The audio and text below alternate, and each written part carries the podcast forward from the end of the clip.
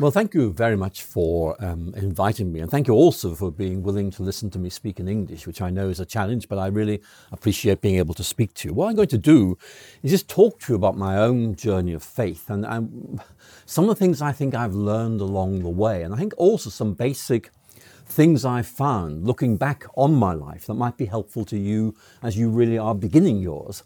And so I hope this will be an interesting session. And of course, I'm, I'm very happy to uh, answer any questions at all. But my background is someone who grew up in Northern Ireland, um, who was an atheist as a teenager. I loved science, and I felt that if I loved science, that meant I had to be an atheist, because after all, science and religion were at war with each other. Or at least that was what people thought back in the 1960s when I was growing up. And I think that the key point I want to make is that uh, I wasn't just an atheist in the sense of I don't believe in God. It was much more a, a, a more aggressive, a more um, a more hard line position, which is there is no God. And therefore, anybody who believes that there is a God is mad or bad or sad or possibly all three. And so I, I really was quite aggressive as an atheist. In fact, as I read the writings of Richard Dawkins these days, I very often feel quite nostalgic because that's what I used to be like when I was 16 years old. So I was very much persuaded that belief in God was a wish fulfillment. In other words, you believed in God because you weren't able to cope with life. Uh, and of course, I took the view that I would be able to cope with life very, very well without any psychological crutches. And so I saw my atheism almost as a badge of pride. This is, this is, in effect, someone who is bold and brave and willing to live in a godless, meaningless world. So I began to explore Marxism. Um, one of my, uh, I think it's something I went through for a period of two years. Um, I, I, found Marxism very, very interesting. Again, back in the late 1960s, this was very popular in student circles. And I found Marxism very interesting because it gave me what I would call a worldview or a big picture of reality. It's not just believing this, this, this, and this. It's about integrating them to give you a bigger picture of reality. And Marxism, uh, I stayed with for about two years, then decided it was simply not intellectually adequate, but I did learn something from it. And one of them was how interesting it is if you have a, a, way of looking at the world which seems to, to hold everything together. And that's something that really has remained with me ever since. But I began when I was about 18 years old to have doubts about Marxism, doubts about being an atheist. Um, the doubts about Marxism were simply it didn't seem to account very well for everything, quite good on some things, not on others. But atheism, I was increasingly becoming worried about. I think there are probably two reasons. One was that although I, as a scientist, believed that you should only accept ideas that could be proved to be true, I was beginning to realize that atheism was actually a faith. I believe that there is no God. And you, you cannot prove that. And so I began to realize that, that it was evidentially not very satisfactory. That atheism was not something you could prove to be true, it's something you had to believe to be true and then work out where that belief began to take you. And also, as I was saying a few moments ago, one of the reasons that I dismissed belief in God as a wish fulfillment, that's Sigmund Freud's phrase, um, was that it seemed to simply um, if I can put it like this, play into what we wanted to be true. But you see, the same is also true of atheism. Atheism is a position of somebody who does not want there to be anything transcendent, anything beyond them, which in effect would interfere with or govern or in effect direct their courses of lives. And I began to realize that actually, for many people, atheism as an intellectual position is simply an intellectualization of a basic wish or desire that there shouldn't be a God. And several years later, I read these words by Thomas Nagel, an American atheist philosopher, and listen to this. It isn't just that I don't believe in God and naturally I hope I'm right in my belief. It's that I hope there is no God. I don't want there to be a God. I don't want the universe to be like that. And that's very interesting because that, in effect, is saying, I don't want there to be a God. And then I develop the arguments that there is no God, if you, if you like, as a rational defense of this basic feeling, this basic desire that there should not be a God. Anyway, I went up to Oxford University in uh, 1971 uh, to study chemistry, and I've stayed linked with Oxford, as you probably know, for the rest of my life. Um, and one of the things I discovered at Oxford was that um, my doubts about atheism, which I had assumed would be resolved by conversations with intelligent atheists who would um, sort out all these difficulties, did not happen. What did happen was I had many conversations with intelligent Christian students who, in effect, made me realize, I think, two things. Number one, that what I had the way in which I had understood Christianity was simply a caricature, it was a misunderstanding, a misrepresentation of what Christianity was all about. I think that was quite important because I began to realize that I had rejected something that was, that was simply a, a, a cartoon of the real thing. But more importantly, I began to realize that these Christian students had thought through their faith. They could work out how, to hold together their faith and their science or their philosophy or whatever discipline they were studying. And I began to realize I was missing out on something really very significant. And so I, I, um, I committed myself to Christ, I became a Christian, and began to explore this very exciting new world of the Christian faith. And um, one of the writers who I discovered who um, really helped me was C.S. Lewis. Now, Lewis and I have a few things in common. We were both born in Northern Ireland. We were both atheists as young men and both became Christians at Oxford University. But what, uh, I discovered Lewis was that uh, some friends of mine were getting very tired with me asking them all these difficult questions about Christianity. And they said, Look, why don't you just read C.S. Lewis? So I did that. And actually, I found in Lewis a very intelligent, a very able writer who clearly had been an atheist himself and knew why he'd become a Christian and was able to anticipate the questions I was asking and gave me some very good answers. So Lewis became a very important traveling companion for me throughout my journey of faith. And more than 50 years later, I still read Lewis and I still benefit from reading him. But I think another point which um, was very important is that I had to work out ways of holding together my faith and my interest in the natural sciences. Um, I did a first degree in chemistry at Oxford, and then my first doctorate was in molecular biophysics, which was a kind of a technical form of biology. And I came across um, a, a, writer who really helped me in this respect. And that was a writer called Charles Coulson. You'll never have heard of him, it doesn't matter. But he was a Christian professor of chemistry at Oxford. And he had spent a lot of time thinking about how you hold together science and faith. And he preached a sermon in, in my college chapel. I heard the sermon, and it was basically about how you hold together your faith and your science. Uh, science and faith, he says, give us different perspectives, different angles of approach to a complex reality, and they each illuminate part of a much bigger intellectual landscape. And I found that very, very helpful. I began to realize also this idea of science and religion being at war with each other was really a 19th century invention, which wasn't there in earlier periods of Christian faith. So for me, I think that was very important. And also, I think, helped me to begin to understand how I could hold together science and faith.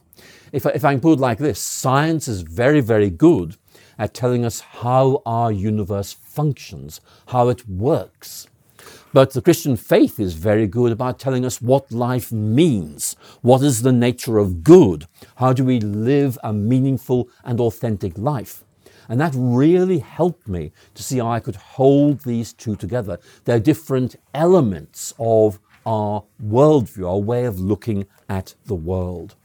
And so we can think of Christianity, if you like, um, uh, giving us a different perspective on the world and science, or Christianity um, giving us a different level of explanation than science. I mean, the example I always give in talking to students about this is what was a, a very simple analogy, which is I want you to imagine a kettle that is boiling. And so you might ask the question, why is that kettle boiling? Well, one answer would be it's all about science. It's about the conversion of electricity into energy. It's a scientific answer. Now, that answer is right. But there might also be another answer to why the kettle is boiling, and that is bear in mind I'm British, I wanted to make myself a cup of tea. And you can see both those answers are right. And the fact that one is right does not mean the other one is wrong. It simply means that there is a bigger answer which brings both of these together to give you the full picture.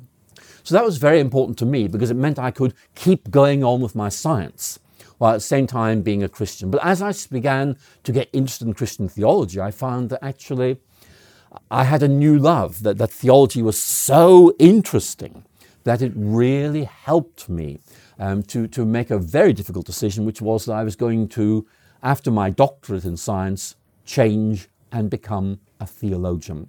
And there were several reasons for that. One was because um, I felt understanding Christianity was really exciting and interesting, but also I was beginning to realize that my life trajectory might be as an apologist. That is, say, someone who had been an atheist and understood what atheism was all about, but was able to see how Christianity was much better and how I could give Christian answers to my atheist friends. So that I think was very important. One of the things I had to think about was the relation of proof and faith.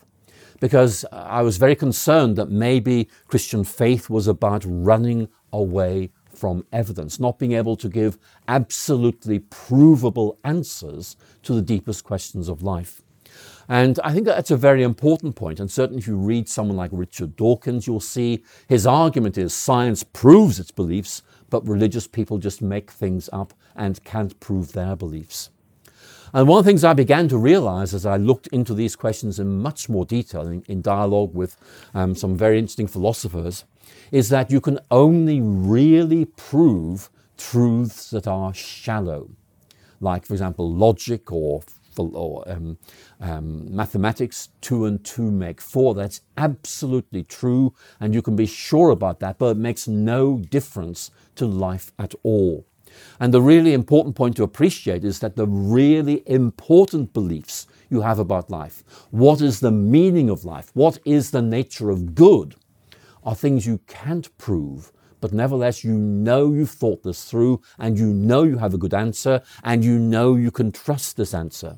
And the really important thing is that um, the, the, the beliefs that give us meaning and significance are things we're not going to be able to be proved. And that's something that's true for atheists as well. When I argue with atheists, I'll simply say to them, Can you prove that you are right? And in the end, they can't. They can simply say, well, we, we think we are right, or we think you are wrong, but they can't prove they are right. And that actually is a very important point. And you may have read the atheist philosopher Bertrand Russell. He was very influential back in the 1960s. And he wrote Philosophy teaches us how to live without certainty, yet without being paralyzed by hesitation. Living with uncertainty. That's a very important theme in our culture today. I just want to reassure you that Christianity enables us to live with uncertainty by saying, look, there is something here you can trust. Maybe you can't prove it's right, but it is something reliable and you can build your life on this. It's like the, the rock in the parable in Matthew chapter 7. You know, you build your life on something that is reliable, a rock, not something that's going to shift. And of course, we're at a time of massive cultural shift. And what people thought was absolutely certain back in the 1960s is now seen simply as that's what they thought back in the 1960s. We don't think that anymore. So it's a very interesting and very important point. So, what I want to do, if I may, is reflect a little bit on um, some of the things I have learned and very often when you get older and you look back, you begin to see things that, that were important, but you don't quite realize how important they were at the time. I want to explore some of those themes with you now. Here's the first point that I discovered. Very often, um, when I look back on my life, I can see I made certain decisions at certain times. And without realizing it, I was in effect moving in a direction which brought me closer to God. In other words, um, it was as if God was helping me to discover Him, if I can put it like that. If, you, if you're a theologian, it's all about prevenient grace. But in ordinary language, it just means that very often we find ourselves taking decisions for reasons we don't fully understand, and yet we find that it brings us closer to God. And I think it's an important point that God is directing you in ways you don't fully understand. And sometimes you, know, you decide you're going to do this, and as a result, you gain certain life experiences, and those later turn out to be very important. But you didn't know that at that time. And I very often think of the first chapter of Mark's Gospel. And you remember the story. It's the first two disciples, and Christ meets them on the shore of Lake Galilee, and he says, Follow me. And he gives them no reasons at all for doing so. There's just something so attractive, so compelling about him that they decide they're going to have to really leave everything behind and follow him. And then Christ says to them, I will make you um, the Greek word are quite difficult to translate. It means something like, I will make you fish for people. Fish for people. They were fishermen. And what Christ is saying is really more important than you might think. Because what he is saying is, you are now going into the future as my disciples. And what you have been doing in the past is going to be repurposed and used in a new way in your future ministry. And so I think one of the things I have learned is that very often you look over your lives, you look at what you've done, you look at the skills that you have learned, you look at the, the gifts you have been given by God, and you're asking, how can I take these and how can I use these? In other words, are the gifts that God has given you things that are going to shape your future in terms of who you are and what you're going to come to be. I think that's a very important point because, in effect, it's saying that um, God is preparing you for various forms of service or ministry, and you don't fully understand what they are. But you, very often, when you look back later, you begin to see how these really connect up. And that, I think, is a, a very important point um, to make uh, when you think about this. Because um, thinking about C.S. Lewis, who is really a very interesting character, um, Lewis was a very aggressive atheist who um, studied English because he loved it, because he thought it would help him get a job at Oxford, then was converted to Christianity and began to realize, first of all, that his own experience as an atheist allowed him to step into the mindset of other atheists and develop defenses of Christianity which met those concerns. In other words, Lewis knew what atheists thought, he knew why, and he was able to develop an approach to Christianity which really got through to those who were atheists. And that's very important. And that's really Lewis's personal history becoming a very important resource for him in his ongoing ministry. But he also began to realize he could use his knowledge of English literature and his very obvious ability to speak and write English beautifully to be a very effective communicator.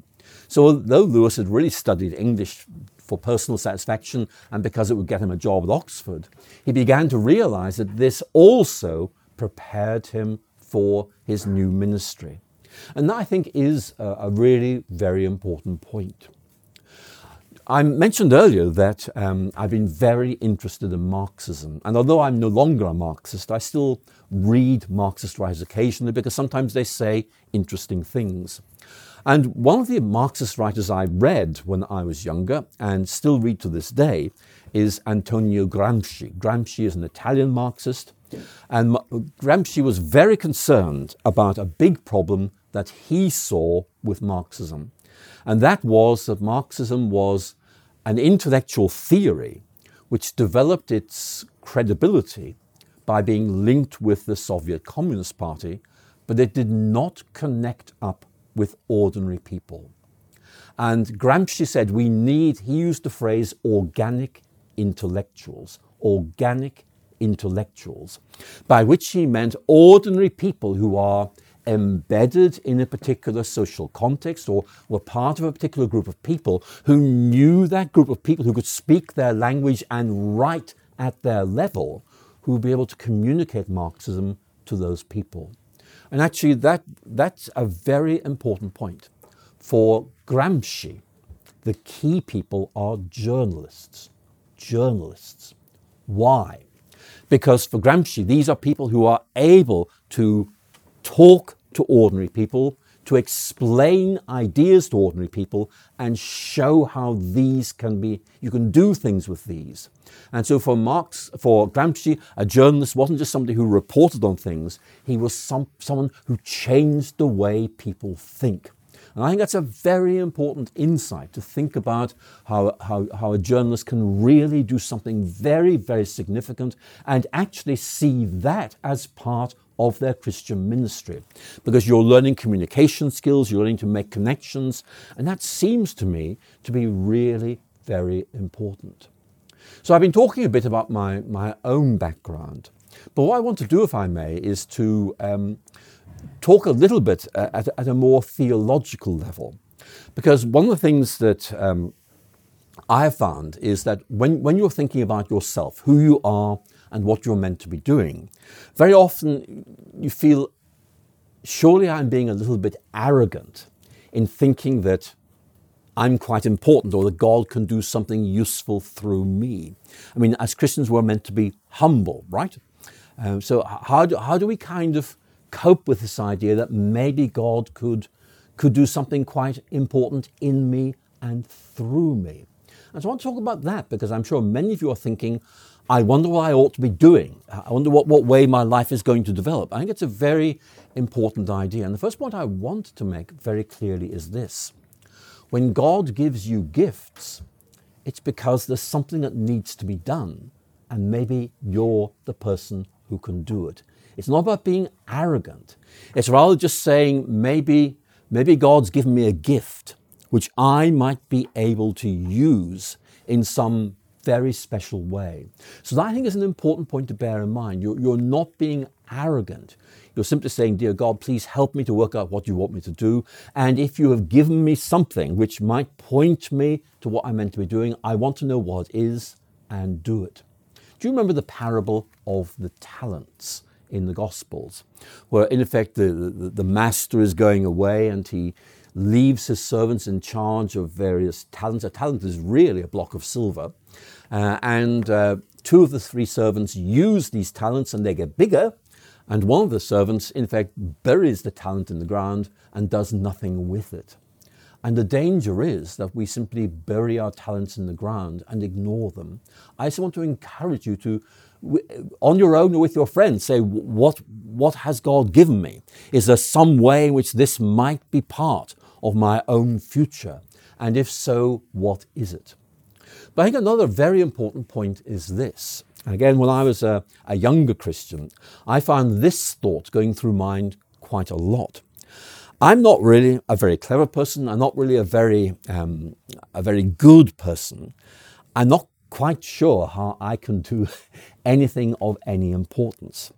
And I kept coming back to that passage in um, 2 Corinthians. Um, and I'm sure you, know it's in chapter 12. It, it's where Paul describes this experience of a thorn in the flesh. We don't really know what that was. Maybe it was malaria. But something happens to weaken him. And he finds himself wondering can I, a weak person, be of any use to God?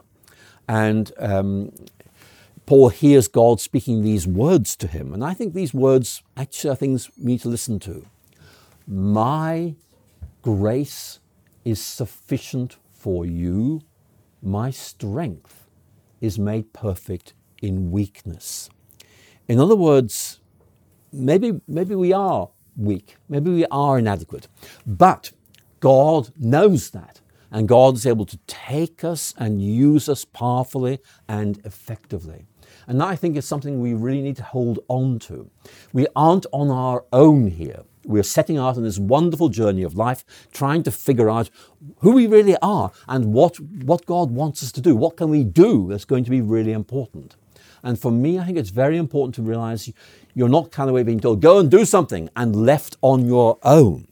It's much more that you are journeying with a God who is with you at every point along the way. Uh, our shepherd who is with us even in the dark times, but also in the good times, and whose strength is there for us to draw on. So I want you to just reflect on that. You know, um, you aren't on your own. You're being accompanied by God who knows you, who loves you, and wants you to do something very special. The question is what? But God will help you to find it. But I want to just say how privileged I feel to be able to speak to you at this point. Because in many ways, you know, I, I'm aware there's a huge amount of talent in this room. And I just want to reassure you that this is something that can be very, very significant.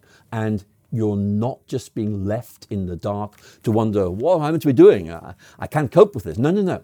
The God who loves you and calls you is there with you and will be with you as you journey through life. So, in my own case, I'm an atheist who became a Christian and en- then ended up as an academic at Oxford University. And it's been a very good job, as uh, you were being told earlier. I've now retired from that. But I think one of the things I've learned from this uh, is that, um, if I can put it like this, um, Christians come in all kinds of shapes and sizes. Some are very, very able intellectually. I've had the privilege of teaching many of them. And some of them are not so able intellectually, but are much, much better at other really important things, like being able to write well, being able to speak well, being able to relate to people very well. You know, we all have our own gifts, and that is wonderful. And the question really is how we take these gifts and use them in God's service. I think for me, the, the, the, really important thing is trying to work out what my gifts are and how I can use them. And that I'm sure is something that, that all of you are thinking through. So, as I wrap up this talk, I just want to try and tease out some themes that I think are really important. The first point I'm going to make is, is this I want you to imagine that um, I'm doing an experiment in time travel. And so I'm going to reach back to 1969 when I was 16 years old. And I, I want you to imagine somebody who knows what the future looks like would have said to me, remember, I was a very aggressive atheist as a 16 year old. One day, you're going to be a well known Christian apologist. Well, A, I wouldn't have known what the word apologist means. But also, the idea that I would discover God, become a Christian, would, have just seemed impossible. Why would that happen? But you see, this is one of the points I want to make. God surprises us. God very often gives us redirection, which actually surprises us enormously. I think that is a very important point. Very often, um, you know, we, we, when you're quite young, you say, I think I can see what God wants me to do. And maybe it starts off like that, but then you begin to realize, actually, I can do something even better like this. You, you, begin to realize that your vocation, your sense of who you are, your sense of what God wants you to do expands as you move along life's road. I think that's very important. God regularly surprises us, I have to say. So I think that's a very important point to bear in mind. And the second point I want to make is, is this. And again, I think this is a very important point. When I look back at the people who really have influenced me, who in effect have uh, helped me to think about my faith, have challenged me to think more about Christianity, very often they were they were just ordinary people, you know, who in effect helped me to see that that I was on the wrong track, that actually things were not right. And I can't remember who, who all these people were and many of them, I'm afraid, are, you know, influence me, but never know this fact.